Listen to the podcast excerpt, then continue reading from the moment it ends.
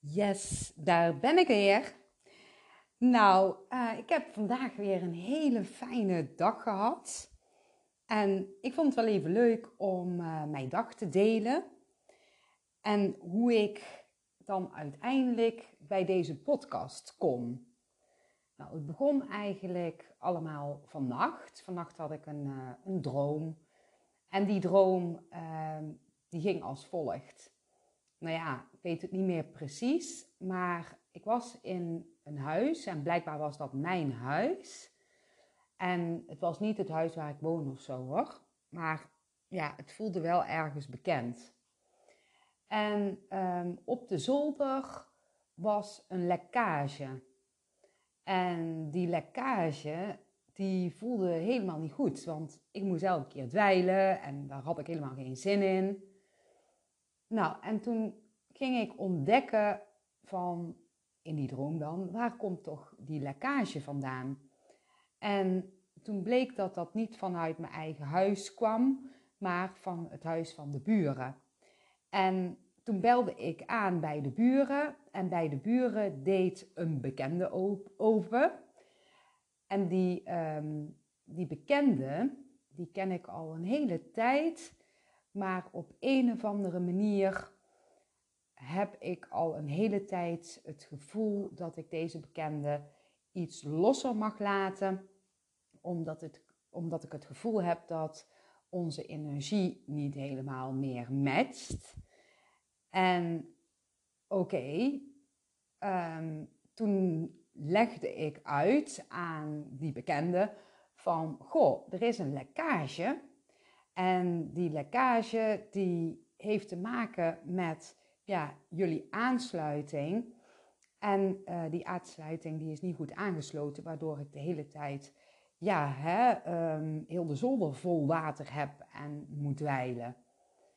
En toen zei diegene van, uh, nee, dat komt niet door mij. En dat heeft toch echt wel met jouw huis te maken. Maar dat voelde helemaal niet goed. Nou, en toen was de droom voorbij.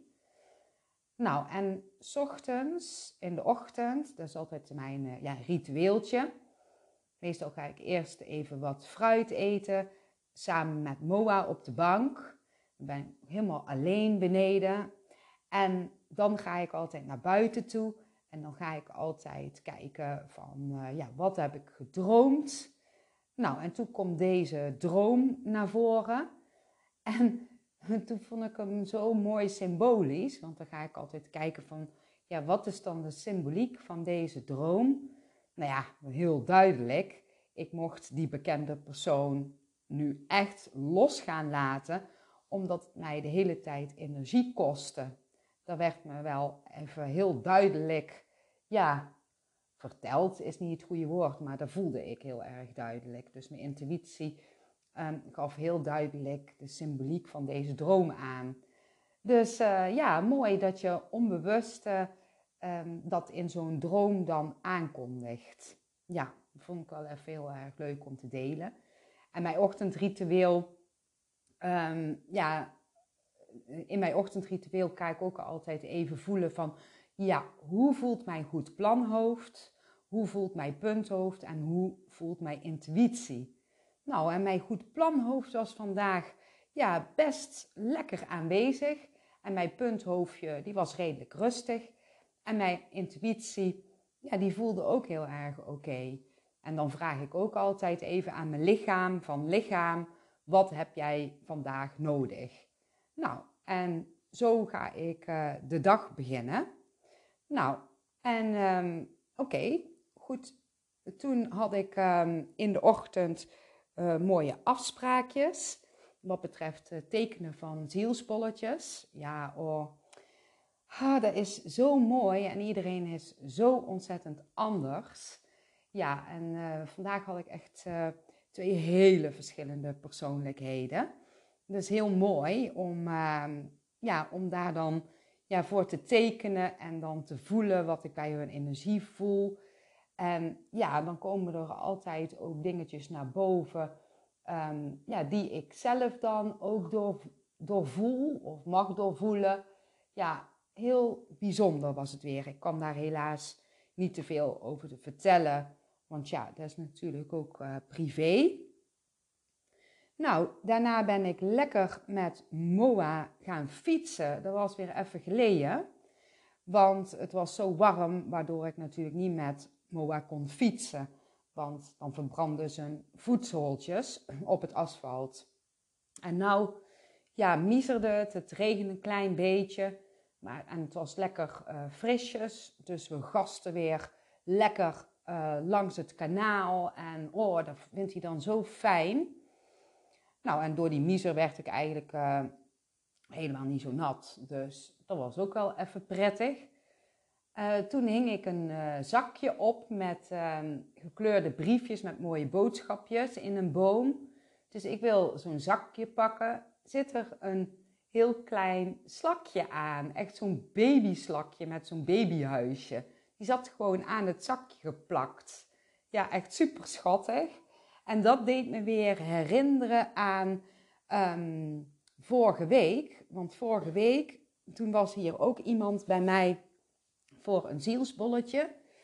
En ik kan daar verder niet te veel over vertellen natuurlijk. Maar um, wat heel bijzonder was, was dat er een, uh, in het zielsbolletjes uh, tekening, ja, of eigenlijk eromheen, ontstond ineens een paard die in galop ging. En dat vertelde heel veel over uh, de persoon waarvoor ik tekende. En ik had ook verteld tegen die persoon um, dat, ja, hè, soms dan heb je mensen die gaan gewoon ja, in galop door het leven en dat past heel erg bij hun. En soms dan heb je ja, uh, mensen die als het ware um, ja, als een slak door het leven gaat. Maar dat is niet negatief bedoeld, want dat is voor die persoon ook helemaal prima. En um, ik had ook echt het gevoel uh, dat deze persoon waarvoor ik tekende, um, ja, ook daar helemaal oké mag zijn dat de een, zeg maar, um, ja, als, als een, als een uh, paard die in galop gaat door het leven gaat en de ander als een slak. Hè, dat, dat dat gewoon helemaal oké is en dat ieder zo zijn eigen zielsplanning heeft en de een gaat gewoon wat sneller als de ander. Nou, en het grappige was, die volgende dag, toen zat ik dus weer in mijn ochtendritueel. En toen keek ik op de grond, zo buiten op de tegels.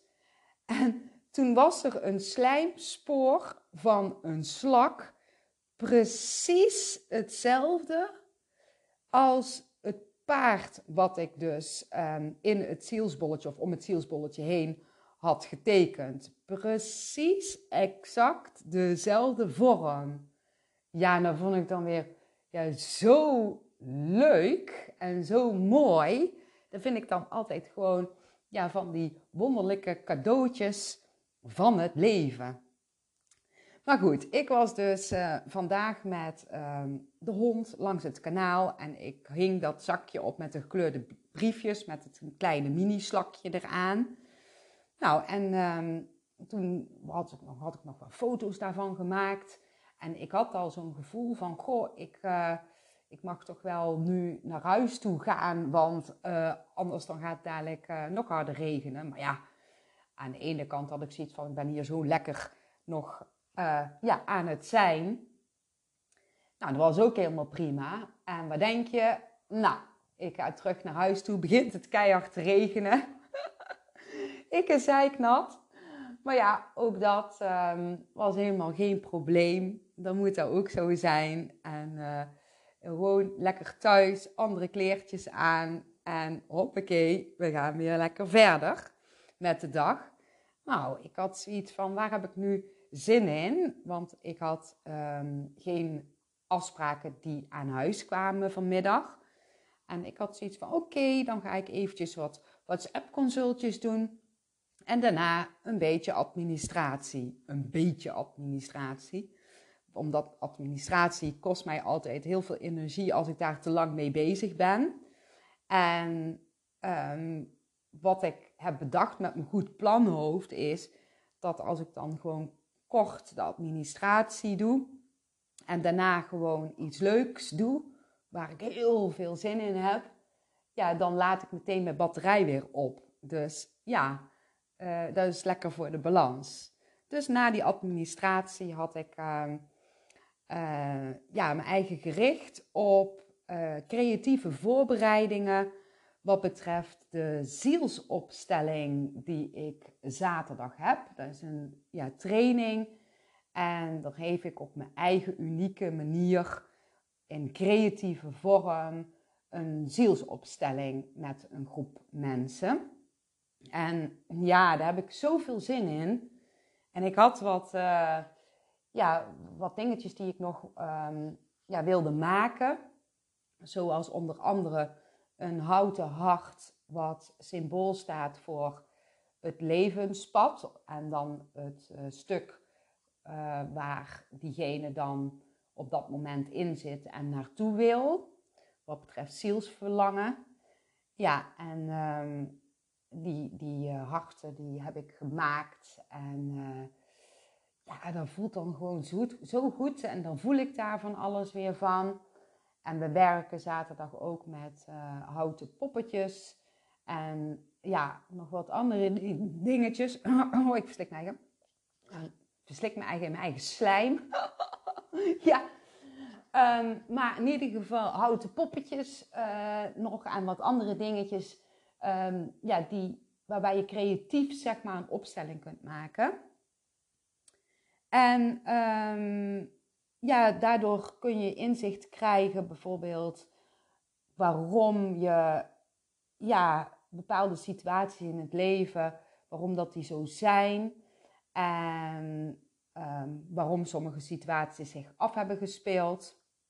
En je kunt uh, ja, verschillende inzichten krijgen, zoals ja, oude patronen die je systemisch mee hebt gekregen.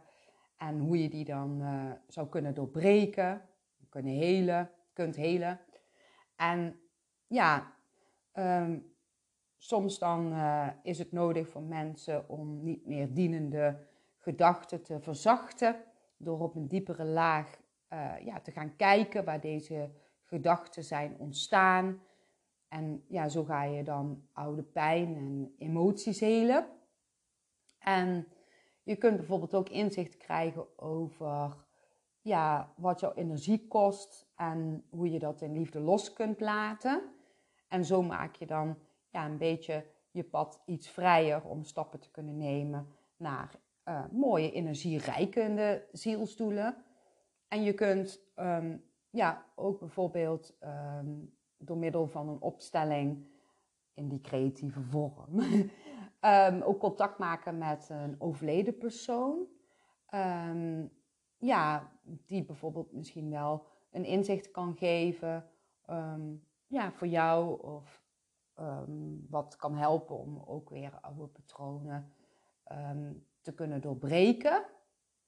En ja, ook gaan we in uh, deze zielsopstelling ja, contact maken met uh, je intuïtie en, uh, en je ziel, waardoor ja, misschien wel bepaalde situaties wat helderder uh, worden.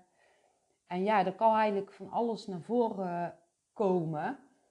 En het mooie is, zeg maar, als je zo'n training doet, dat je verder niks verwacht. En ja, dat je het gewoon laat gebeuren.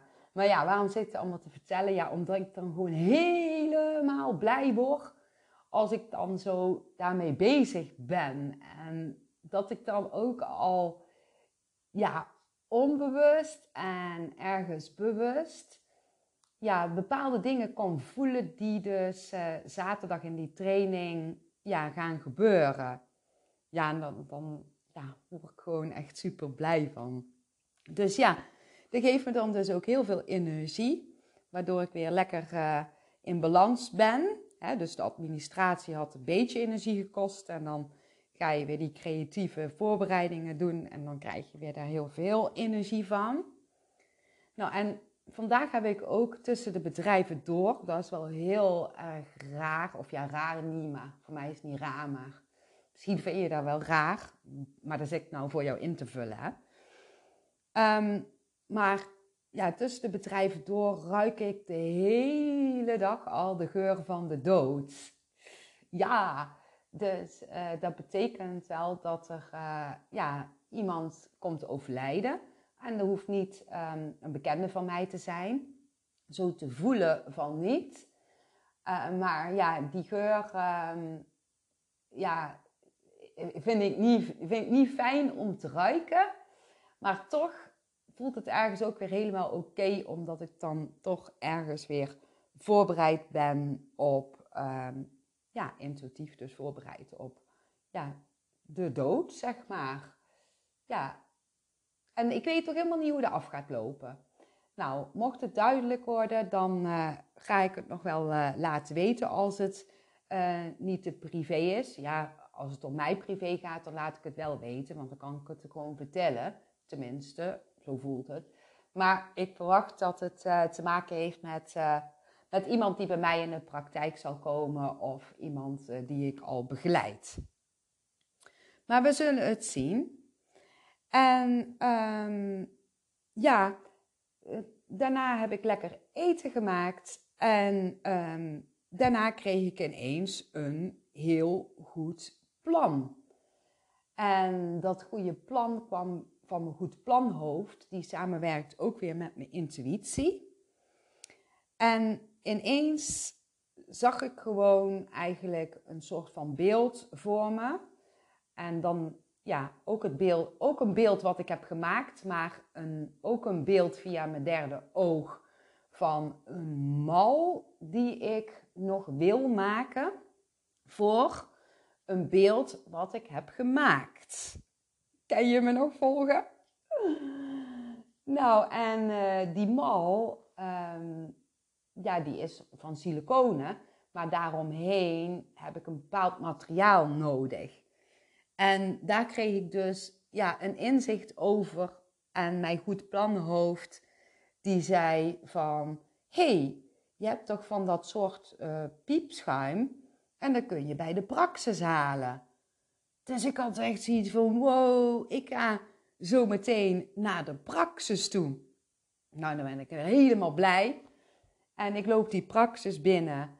En mijn punthoofddenken zegt van, ja, Ga dan dan eventjes aan uh, dat mannetje daar vragen van de praxis, want ja, die weet wel uh, wat jij bedoelt.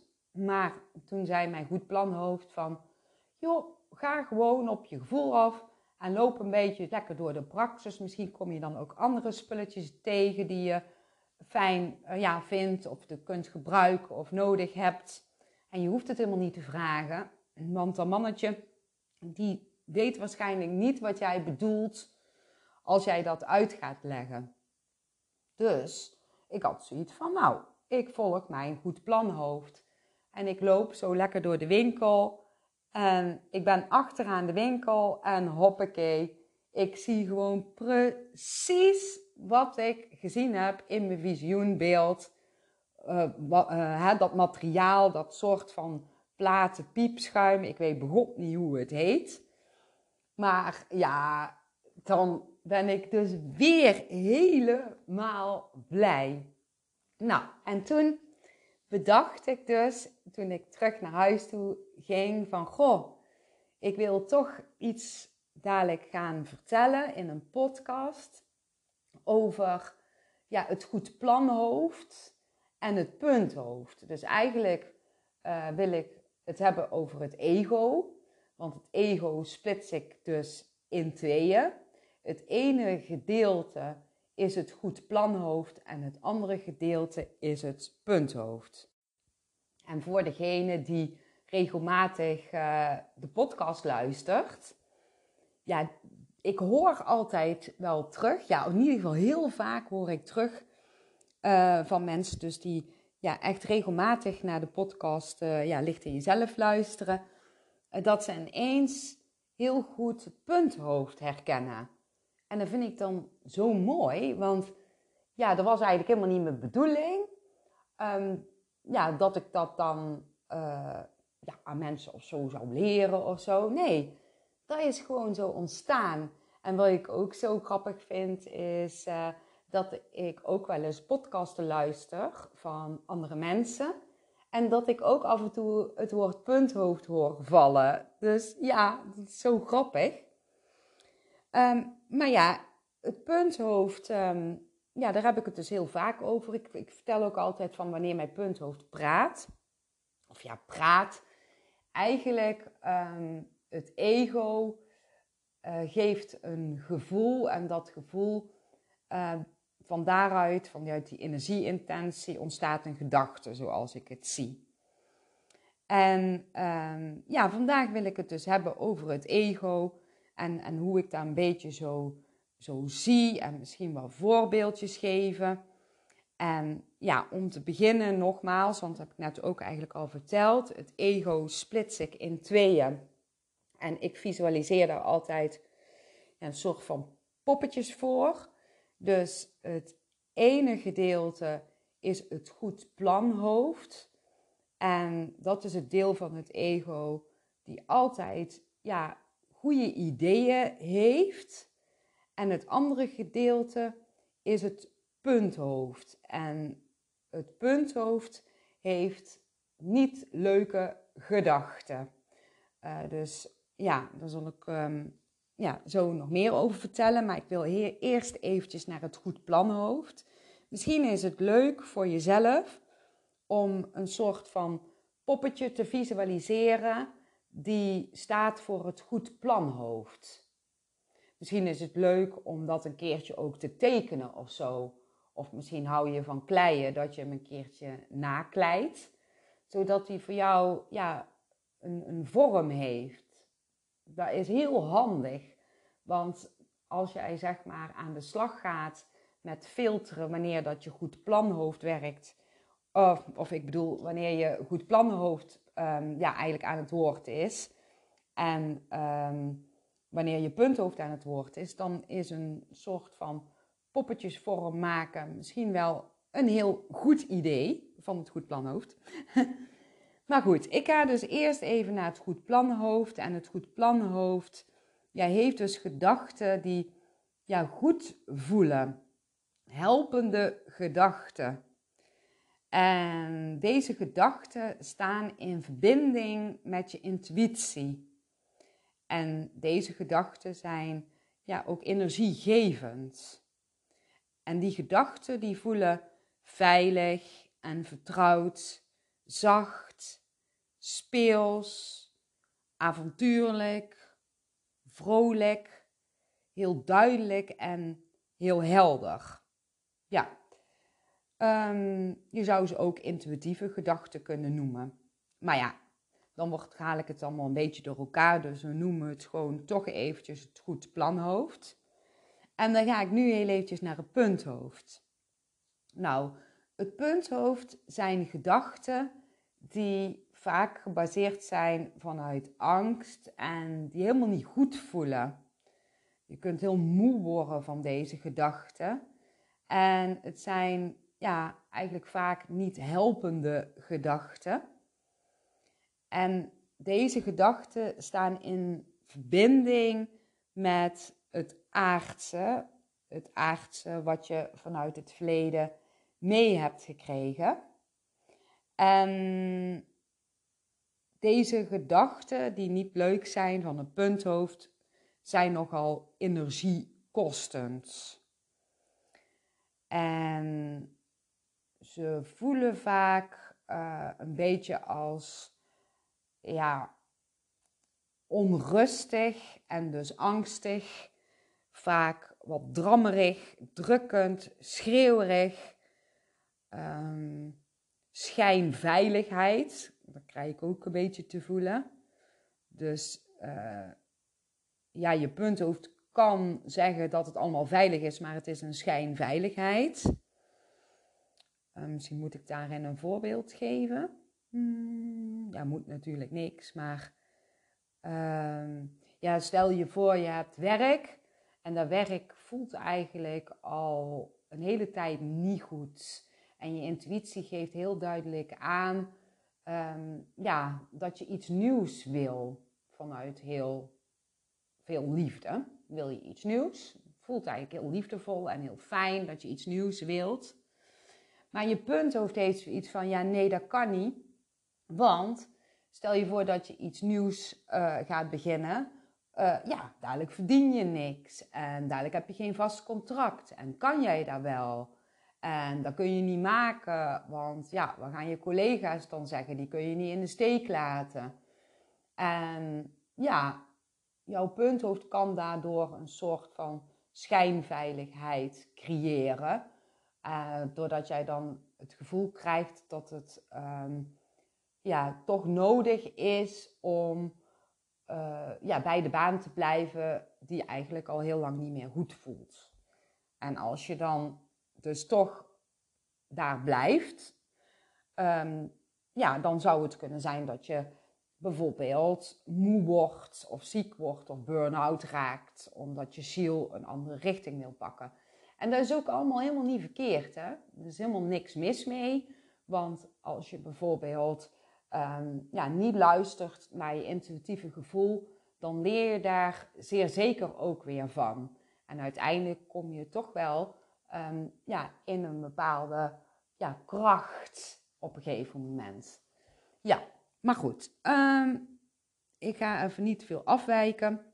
We hadden het over het punthoofd en ja, hoe, hoe het dan eigenlijk voelt, die gedachte van het punthoofd denken. Dat die dus hè, um, ja, onrustig zijn en wat, wat veel harder binnenkomen vaak. En vaak gebaseerd zijn op angst, onrust en dat soort zaken.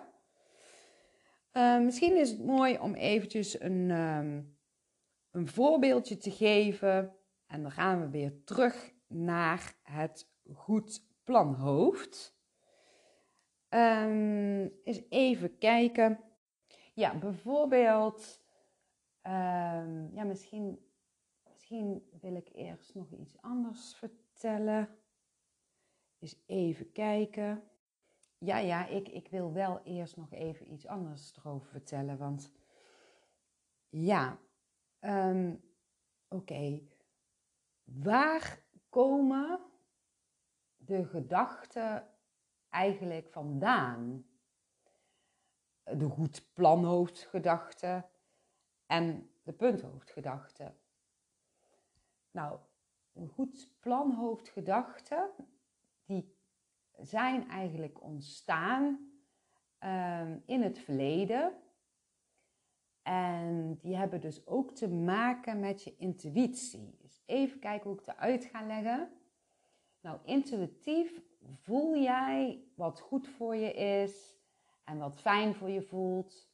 En wat nodig is om leuke, mooie zielstoelen te behalen. Dat voel je onbewust. En in sommige gevallen bewust. Maar als je nog heel jong bent, voel je dat meestal onbewust. Nou ja, je hoeft niet altijd heel jong voor te zijn, want als je oud bent kun je het ook onbewust voelen. Maar goed. Uh, intuïtief voel je dus onbewust wat je zielsplanning is. Je totale zielsplanning. En af en toe voel je bewust je zielsplanning als je daarvoor open staat, laten we het zo zeggen. Nou, jouw ego die verzamelt of heeft eigenlijk in het verleden uh, alles verzameld. Um, en als je dan heel even met je aandacht gaat naar het goed planhoofd, heeft um, het goed planhoofd um, alles verzameld wat leuk is en goed is voor jouw mooie zielsdoelen.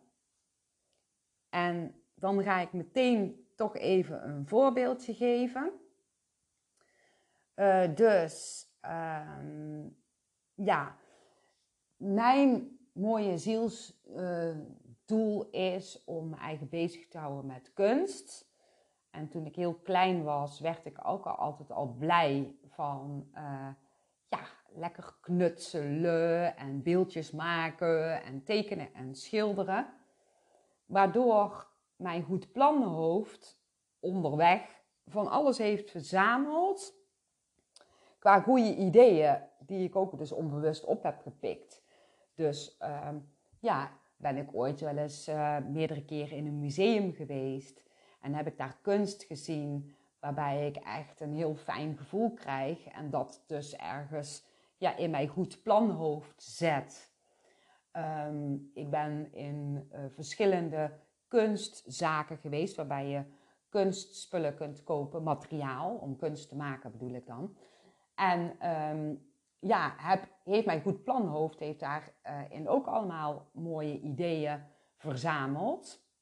En uh, ook uh, materialen en dingetjes die je nodig hebt dus om kunst te maken.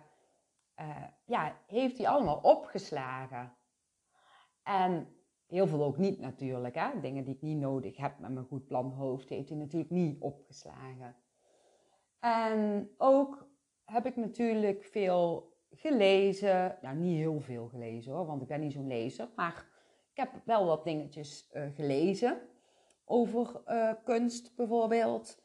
En uh, ook heel veel op internet gekeken, inspiratie gehaald.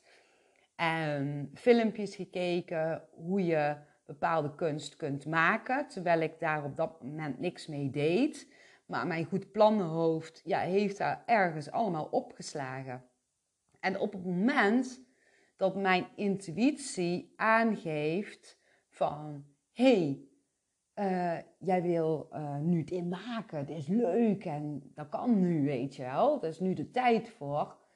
Dan komt mijn goed planhoofd ja, in actie en kan dan bepaalde beelden geven. Net zoals ik uh, net vertelde over die mal. Ja, ik hoop dat het een beetje duidelijk uh, is. Nou, en uh, nou geef ik heel even een ander voorbeeld van het goed planhoofd.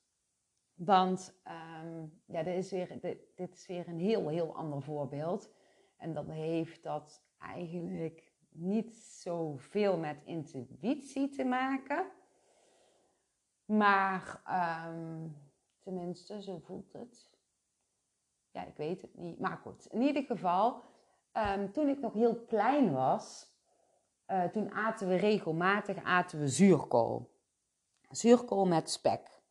En ik vond dat wel lekker. Maar um, ja, misschien dat ik andere dingen wel lekkerder vond. Maar het mooie was dat het was kerst en mijn moeder die vraagt speciaal aan mij, ik voel, dat voelde voor mij als heel speciaal, van Sandra, wat wil jij nou met kerst eten? Wat vind jij nou het allerlekkerste om met kerst te eten? En ik vond dat zo speciaal dat ze dat gewoon helemaal alleen aan mij vroeg. Want meestal was het mijn tweelingbroer, zeg maar, die er dan ook bij was en die dan een antwoord gaf. Of ja, ik maakte nooit niet zoveel zelf de keuzes toen ik heel jong was. Meestal maakten anderen voor mij de keuzes. Maar ja, dat was een speciaal moment. En toen zei ik tegen haar zuurkool met spek. En toen zei ze tegen mij van, weet je wat we gaan doen? We gaan met kerst zuurkool en spek eten. Speciaal voor jou. Nou, en dan ja, vond ik zo geweldig, waardoor ik nu nog steeds zuurkool met spek ja, super lekker vind en dat dat eigenlijk mijn lievelingseten is. En heel vaak als ik dan zoiets heb van, goh, waar zal ik uh, nou eens kiezen voor eten? Dan zegt mijn goed planhoofd zuurkool met spek. En misschien niet eens dat ik dat zo heel erg lekker vind, maar gewoon de energie-intentie van het blije gevoel van vroeger, die hangt gewoon aan die zuurkool met spek. Ja, het is misschien een gek voorbeeld, maar ja, ik had het gevoel van dat wil ik toch vertellen. En ik heb nog een, een goed voorbeeldje uh, wat betreft mijn uh, goed planhoofd. Nou, mijn goed planhoofd, um, ja, die vindt het ook heel erg leuk om ja, gekleurde dingen aan te schaffen en vooral gelukspoppetjes. Ik heb hier, want ik zit nu in een gekleurde kamer, eens even tellen. 1, 2, 3, 4, 5, 6, 7, 8, 9, 13 van die kokos, halve kokosbakjes. Die heb ik in Thailand gekocht. Helemaal gekleurd. zitten allemaal verschillende gelukspoppetjes in. En daar word ik zo blij van, van die gelukspoppetjes. En waarom word ik daar zo blij van?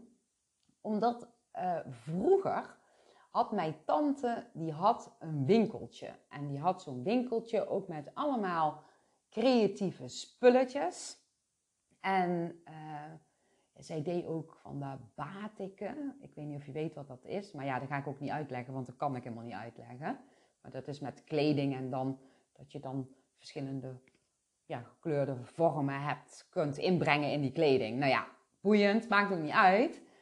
Maar ja, zij was ook altijd zo creatief, mijn tante. En als ik dan in dat winkeltje kwam, dan stond er op de toonbank naast de kassa een bakje met gelukspoppetjes. En dan, als ik dan rond had gekeken, lekker uh, had rondgeneust in dat winkeltje, dan zei ze altijd tegen mij van, pak jij maar een gelukspoppetje. En dan was ik helemaal gelukkig. Dan voelde ik me eigen zo blij. Dus op het moment zeg maar dat ik ja, hier de gekleurde kamer creëerde, had mijn goed planhoofd zoiets van, weet je wat je doet? Ga eens even kijken op internet naar gelukspoppetjes. Nou, en ja, je hebt tegenwoordig zoveel verschillende gelukspoppetjes. En ja, daar werd ik dan weer gewoon helemaal blij van. En ik vind het ook een heel goed plan, want ja, mensen komen hier en ook vaak kindjes. En dan laat ik ze een gelukspoppetje uitkiezen. En op een of andere manier is dat voor hun dan ook weer heel waardevol. Maar dat komt misschien wel ook omdat ik zo'n waardevolle energieintentie op die gelukspoppetjes zet of zo. Ja, dat denk ik dan maar, hè. Maar ik weet het ook niet zeker. Dat, dat zit nou gewoon te bedenken bij mijn goed plannenhoofd. Ja. Ehm, ja, en misschien is het ook wel even dus interessant om toch weer terug te gaan naar het punthoofddenken. Ja, en het punthoofddenken komt voort vanuit het verleden. Wat je mee hebt gemaakt qua niet leuke gebeurtenissen en soms dus ook trauma. Maar ook wat je mee hebt gekregen van andere mensen. Um, dus de invloeden van buitenaf. En ja, misschien dat ik daar ook eventjes wel wat voorbeeldjes van heb. Even kijken. Ja, stel je voor, je hebt een vader of een vader gehad. Papa kan ook overleden zijn. En jouw vader, die kon zich niet uiten qua emoties en gevoelens. Hij had gewoon een hele ja, grote doofpot waarbij hij alles instopte uh, ja, wat pijnlijk voor hem was, of verdrietig voor hem was, of moeilijk was. Um, ja, en, en hij uitte zich niet. Dan zou het zomaar kunnen zijn dat jij ook moeite hebt met jezelf te uiten. En dan heb je dat dus eigenlijk systemisch meegekregen. En stel je voor, je hebt een moeder en die moeder die wil het altijd maar goed doen voor anderen. Want dat heeft ze natuurlijk ook van haar moeder meegekregen. En ze is maar aan het zorgen en aan het zorgen. En het gaat ook heel vaak ten koste van haarzelf. Dus in sommige gevallen vinden ze het heel fijn om te zorgen en krijgt ze energie van. Maar in heel veel gevallen heeft daar ook heel veel energie gekost. En kon ze daardoor eigenlijk niet doen wat ze zelf fijn of leuk vond om te doen. En dan kan het dus zijn dat jij ook moeite hebt met voor jezelf kiezen. En geneigd bent om je eigen aan te passen aan ja, de wensen en de verwachtingen van anderen, terwijl het je energie kost. En dan ben je eigenlijk meer aan het leven voor anderen als voor jezelf. Ja, en dat is dus ook iets wat je dan systemisch meekrijgt. En waarbij je dus ook gedachten over aan kunt maken. Hè? Dus als je dan hebt even over je vader, die ehm, zich niet goed kon uiten. En stel je voor dat jij je eigen ook niet goed kunt uiten. Dan kan het zomaar dus zo zijn dat ja, stel je voor, er gebeurt iets dat je punthoofddenken zegt van ja, we gaan daar niks over zeggen. Want uh, dat is niet goed. Stop maar in de doofpot. En dat stapelt zich maar op. En daar kun je zelfs ook ziek van worden. En op een gegeven moment kun je er wel bewust van worden dat je dat wil doorbreken. Hè? En ja, stel je voor, zeg maar, dat je moeder dus uh, ja, hè, altijd maar aan het zorgen was voor anderen en zichzelf helemaal wegcijferde. Dan kan het dus zomaar zijn dat je punthoofd daar ook de hele tijd gedachten over aanmaakt. Dus op het moment, zeg maar, dat jij wil kiezen voor jezelf of iets voor jezelf wil doen, dan zegt je punthoofd nee, dat kan niet. En je voelt je eigen bijvoorbeeld schuldig. Of je punthoofd zegt van ja, nee, help eerst maar die en die. En uh, ja, dan zien we wel of dat we nog tijd overhouden. Maar heb je tijd over, dan heeft je punthoofd weer een hele andere lijst om andere mensen te pleasen, bijvoorbeeld. Hè? Ja. Of stel je voor dat um, iemand in jouw omgeving waar je ja, bent opgegroeid, de hele tijd maar um, over zijn of haar eigen grenzen heen ging. Dan kan het zijn dat jij dat ook zo gaat doen. Dat je dat ook zo in je systeem zet en dat jij ook over je eigen grenzen heen gaat. En ja, dan kan je punthoofd daar weer gedachten over aanmaken. Um, ja, het, het kan ook zo zijn, zeg maar, dat je zelf ja, iets mee hebt gemaakt uh, wat heftig um, is geweest. Misschien toen je heel klein was, dat je door een paard bent getrapt en dat dat heel erg zeer heeft gedaan. En dat je daardoor nu nog steeds met je denken denkt dat paarden heel erg eng zijn. Terwijl je ergens weet, paarden zijn niet eng. Of je bent door een hond gebeten, een bruine hond. En ja, dat was toen ook best een heftige ervaring als kind zijnde. En dan zou het zomaar kunnen zijn dat je voor alle bruine honden bang bent. Terwijl je eigenlijk zoiets hebt van ja, maar waarom moet nou voor, voor bruine honden bang zijn? Maar ja, dat, dat is door dat wat je dan mee hebt gemaakt vanuit het verleden. Ja, en zo kan, kan ik nog wel even doorgaan met voorbeelden. Maar waar ik ook ja, um, wel in geloof is dat sommige gedachten, of dat dat nou goed plangedachten zijn of punthoofdgedachten, dat kan beide, dat die te maken hebben met uh, niet alleen dit leven, wat je tot nu toe hebt geleefd, maar bijvoorbeeld vorige levens. En misschien is het ook wel leuk om daar dan eventjes wat voorbeeldjes van te geven. Um, nou, stel je voor dat je in een vorig leven een ja, zanger of zangeres bent geweest en echt super goed kon zingen en dat je dat ook heel erg uh, ja, leuk uh, vond en dat dat jou ook heel erg goed heeft gedaan en dat je in dat leven eigenlijk het liefste nog verder daarin door wilde groeien, maar op een gegeven moment ga je dood, dan zou het zomaar kunnen zijn dat je in dit leven nu als heel jong kind al een hele mooie stem hebt en wel heel erg goed kunt zingen voor zo jong iemand. Je ziet daar wel eens ooit op televisie, hè? Dat je dan van die kinderen hebt en die gaan dan zingen, dat je echt gewoon helemaal de kippenvel krijgt. Dat je gewoon voelt van, nou, dat kan, dat kan gewoon niet anders dat daar een vorig leven mee te maken heeft. Dus dat, dat, dat die ziel van dat kind al heel vaak heeft gezongen. En niet alleen uh, dat dat is gekomen ja, door dit kleine jonge leventje wat het kindje tot nu toe heeft gehad. En ja, het kind zingt zo gemakkelijk en zo vanuit het diepste gevoel van de ziel dat het door wil pakken om ja, echt een hele bekende zanger of zangeres te worden. En dat dat misschien wel dan een zielsdoel is. ehm, ja, voor dit kindpersoontje, zeg maar.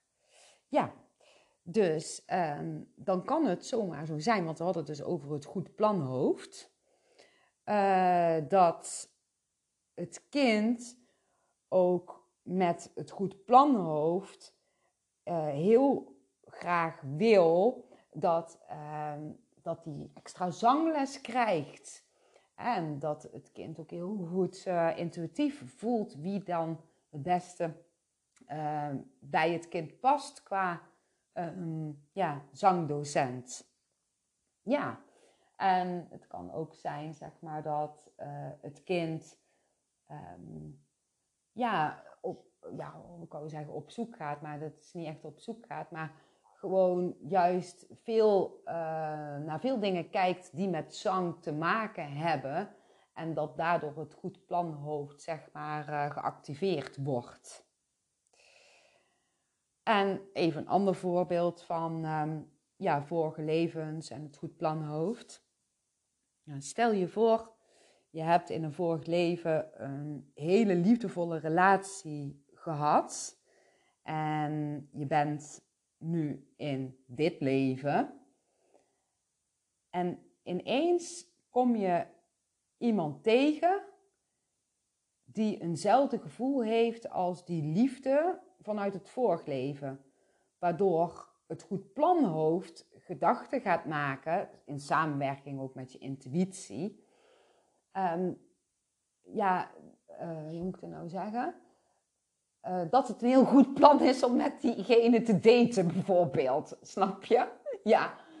Of um, uh, dat je daardoor gedachten gaat krijgen, dus met je goed plan hoofd, om, um, ja, om nog meer die liefdevolle persoonlijkheid naar je toe te trekken. Want het kan ook zijn dat de liefde die je tegenkomt in dit leven, die je herinnert aan de liefde van het vorige leven, dat dat nu geen relatie hoeft te worden aard gezien, maar dat je wel een heel mooi zielscontact met diegene hebt.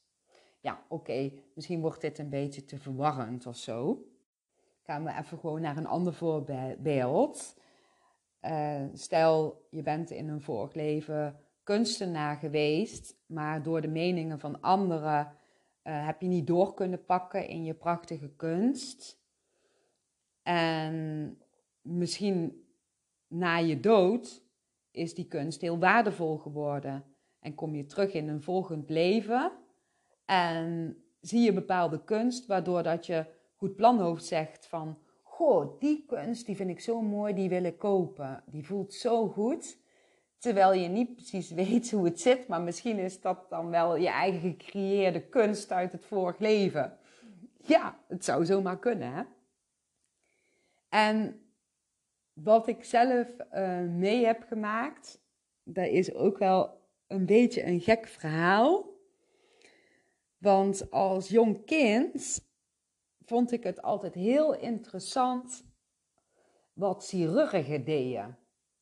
Ja, ik, de eerste keer dat ik uh, een chirurg zag, was volgens mij toen ik een jaar of vijf was. Want uh, toen liet je nog je amandelen knippen. En ik kan me nog herinneren dat mijn tweelingbroer en ik naar het ziekenhuis gingen. En dat ik helemaal aan het springen was op dat bed en zo blij was dat ik in het ziekenhuis was. Want eindelijk mocht ik een keer geopereerd worden. En mijn eh, broer was echt zo keihard aan het janken. Die was helemaal in paniek. Maar ik vond het helemaal geweldig. En ik zat er helemaal zo te bestuderen hoe het allemaal ging. Dat kan ik nog best goed herinneren. Nou, en toen ik opgroeide toen vond ik het ook altijd heel erg interessant om naar filmpjes te kijken waarbij mensen werden geopereerd. Dan kon ik helemaal ja, van genieten. En het leek wel of dat mijn goed planhoofd daar ook ja, goede ideeën over had. Maar mijn punthoofd die, uh, nam dat natuurlijk niet serieus. Die, die zei tegen mij van je bent een beetje gek geworden of zo. Nou, en uh, toen ik volwassen was, toen heb ik een keer een droom gehad. En dat is een droom die ik never nooit niet meer zal vergeten. En ehm, ja, oké, goed. Ik ga hem even vertellen. Het was een droom en in die droom was ik operatiearts. En ik was zo blij dat ik operatiearts was, want daardoor ja, ehm, kon ik andere mensen ja, daarmee helpen, zeg maar. Ik, ik vond dat helemaal geweldig en ik zag dat helemaal voor me. En eh, ik kon ook eh, termen uitspreken. En dat waren Latijnse termen. Ik noem het maar even, termen, maar misschien zijn het wel woorden. Ik weet het eigenlijk niet. En uh, die gingen zo in die droom achter elkaar door. En op een gegeven moment werd ik wakker. En toen kon ik die termen nog gewoon zo zeggen. Dat ging denk ik ongeveer vijf minuten door. En mijn uh, ex-vriendje die zei, wat, wat zeg jij allemaal? Maar ik wist precies wat het betekende allemaal. En het was zo bizar, want ik kon het niet uitleggen. Ja, en toen had ik zoiets van, oké, zou het kunnen zijn dat ik uh, in een vorig leven dus uh, operatiearts ben geweest? Ik heb het gevoel van wel. En oh ja, nou, nou schiet me toch iets te binnen, jongens. Oh, ik weet niet of ik het ooit eerder in een podcast heb verteld. Ik denk het niet. Maar goed, ik ga het vertellen, want er is wel een grappig verhaal. Want het heeft wel hiermee te maken met uh, ik als operatiearts.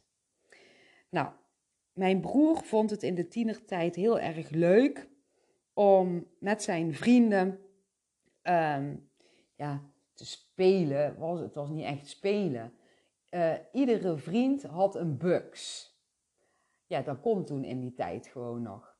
En dan waren ze regelmatig waren ze met die buksen aan het schieten.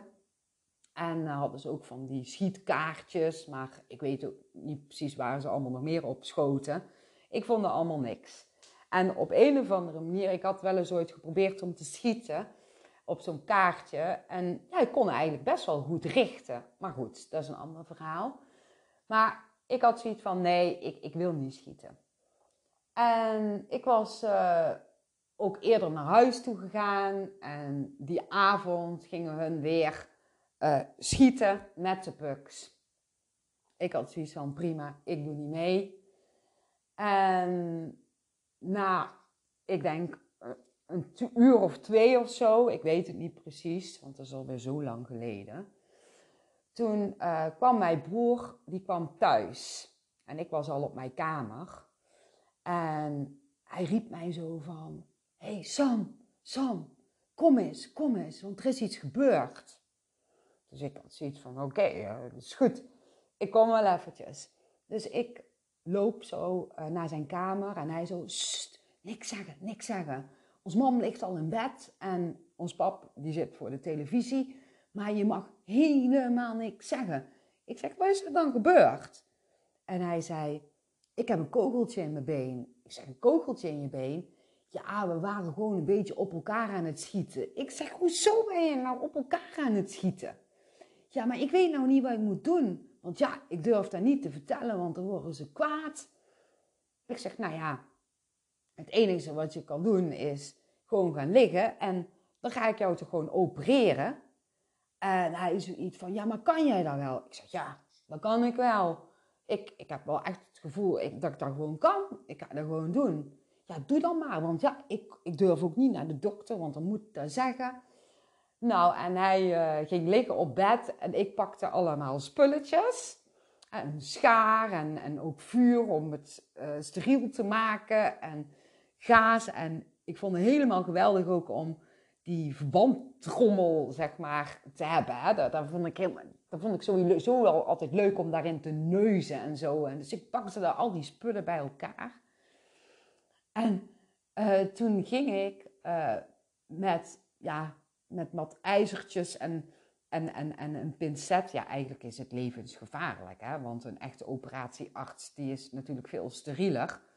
Maar ja, ik had zoiets van, ja, ik vind het helemaal geweldig. En mijn broer die viel bijna flauw. En ik zat zo met zo'n pincet zo diep in dat been uh, die, ko die kogel proberen, ja, zo'n klein kogeltje, uh, eruit proberen te halen. En ja, ik denk binnen, binnen twee, drie minuten uh, was het gelukt. Het was best diep, want ik denk dat, dat er wel zeker een, een centimeter of zo um, ja, in dat been zat. Nou, en daarna heb ik het ja, dichtgehecht. Niet met naald en draad. Zo sadistisch ben ik ook weer niet. Maar met uh, ja, speciale pleisters. En uh, dat is ook ja, wonder boven wonder. Echt wonder boven wonder. Is uh, heel snel genezen. Dat was binnen weken helemaal genezen. En ja, een aantal maanden geleden heb ik daar volgens mij voor de eerste keer verteld tegen ons mam. Ik weet niet of dat ik het al ooit eerder in een podcast heb verteld, maar ach, ja, ik vind het zo'n mooi verhaal. Maar ja, dat kwam me nou ineens terug toen ik het had over het, uh, ja, het goed planhoofd en um, ja, de chirurg en ja, alles leuk vinden wat met, uh, ja, um, ja, met operaties en alles te maken um, ja, heeft. En nog steeds vind ik dat altijd wel heel erg interessant. Nou, en ja, dan ga ik eventjes uh, wat voorbeeldjes geven nog van het punthoofd. En ik bedoel dan uh, ja, voorbeeldjes wat betreft vorige levens en punthoofd. Even kijken, stel je voor uh, dat jij in een vorig leven ja, heel lang bent opgesloten in een klein hok. En dat dat uiteindelijk jouw dood is geweest ja, dan, dan zou het zomaar kunnen zijn, zeg maar, dat je in dit leven um, misschien wel ja, heel erg bang bent voor kleine hokjes of bijvoorbeeld voor een lift. Dat je punthoofd niet in die lift wil, omdat je een gevoel opwekt, zeg maar, van uh, het vorig leven. En ja, waarom gebeurt dat dan zo? Um, ik heb wel het gevoel dat je dan toch daarmee geassocieerd wordt met kleine ruimtes in dit leven. Dat je dat toch dan vaak tegenkomt, zodat je misschien wel um, ja, een stukje inlost of heelt van het vorige levensstuk. Ja. En uh, bijvoorbeeld, uh, ja, uh, even kijken hoor. Eens eventjes kijken naar wat voorbeeldjes. Stel je voor dat je in een vorig leven um, een vrouw was.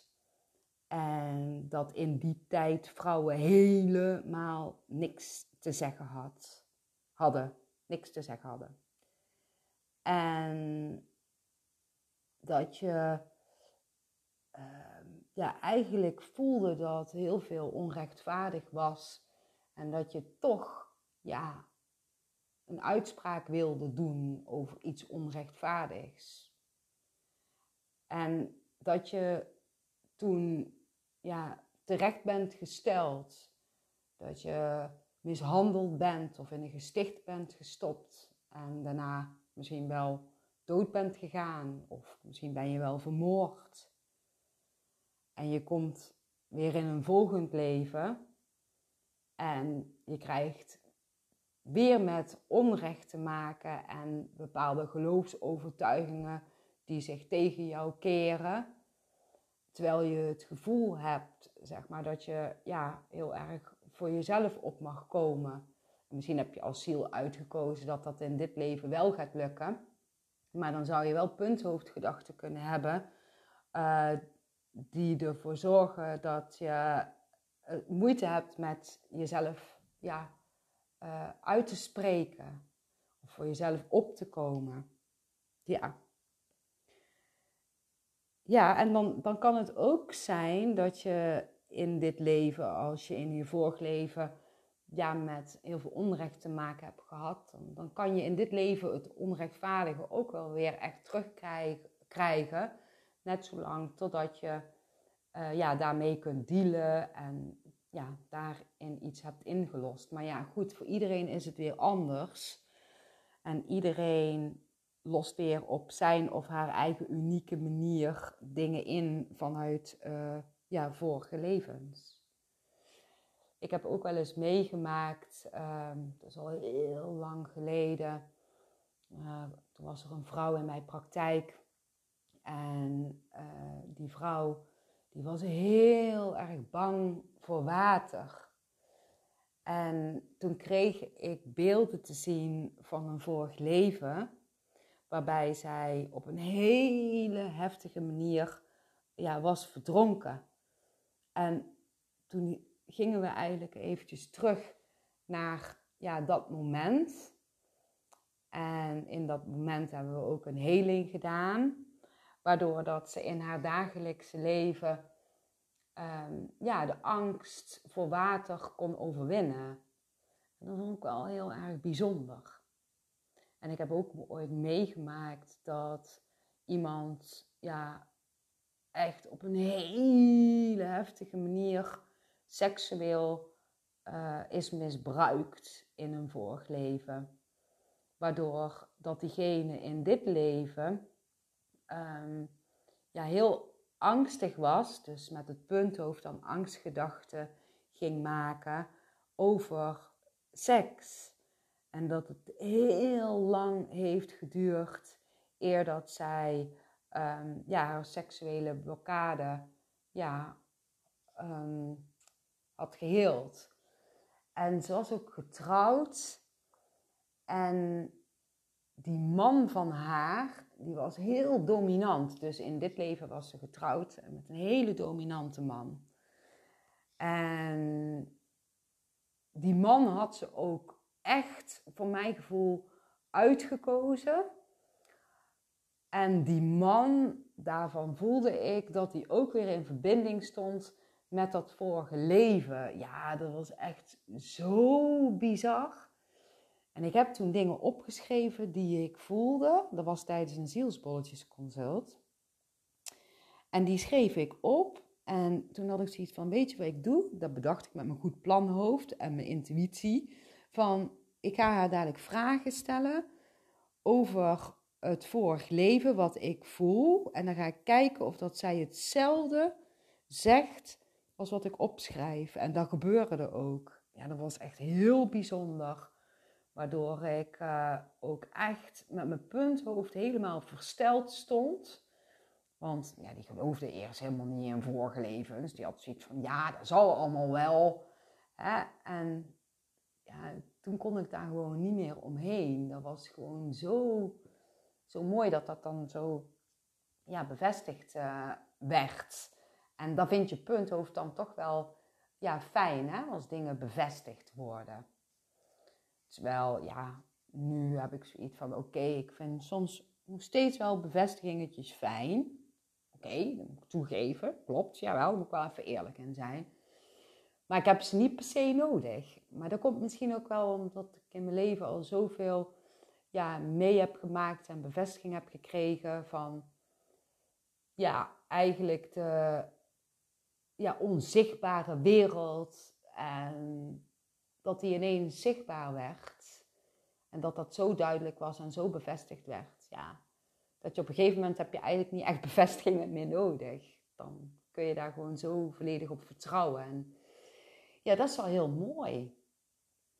Nou, ik ehm, heb zo het gevoel dat ik uh, aan het einde ben gekomen van deze podcast. Ik hoop dat het uh, niet te verwarrend is. En anders hoor ik het wel. Laat maar gewoon weten. Want dan ga ik weer een andere keer een podcast over het ego maken. En dan, ja, ik heb voorbeelden zat. Dus uh, dat komt wel goed. Um, ja, en dan wens ik jullie um, al wat mooi is en liefdevol is. En uh, ja, heel graag tot de volgende keer. En ja, super dankjewel dat je weer helemaal tot het einde hebt geluisterd. Want volgens mij is dit de langste podcast ever die ik heb gemaakt. En hoe komt dat nou? Want ik zeg wel vaker in podcasten van, uh, oeh ja, ik ben bijna bij een uur en ik kan niet langer opnemen, want ik weet niet hoe dat werkt. Maar mijn goed planhoofd zegt tegen mij, of zei tegen mij, voordat ik die podcast ging opnemen, ga maar gewoon door blijven praten. En dat gaat jou wel lukken om dat zo bij elkaar te voegen, die twee uh, opnames. Dus ik ben benieuwd of dat die twee opnames die ik dus nu heb gemaakt, dat dat dus één opname gaat worden. Dus dan is deze opname dadelijk langer als een uur. ik ben echt super benieuwd. Nou, nogmaals, allerliefst en super thanks voor het luisteren. En heel graag tot de volgende keer. Doei doei!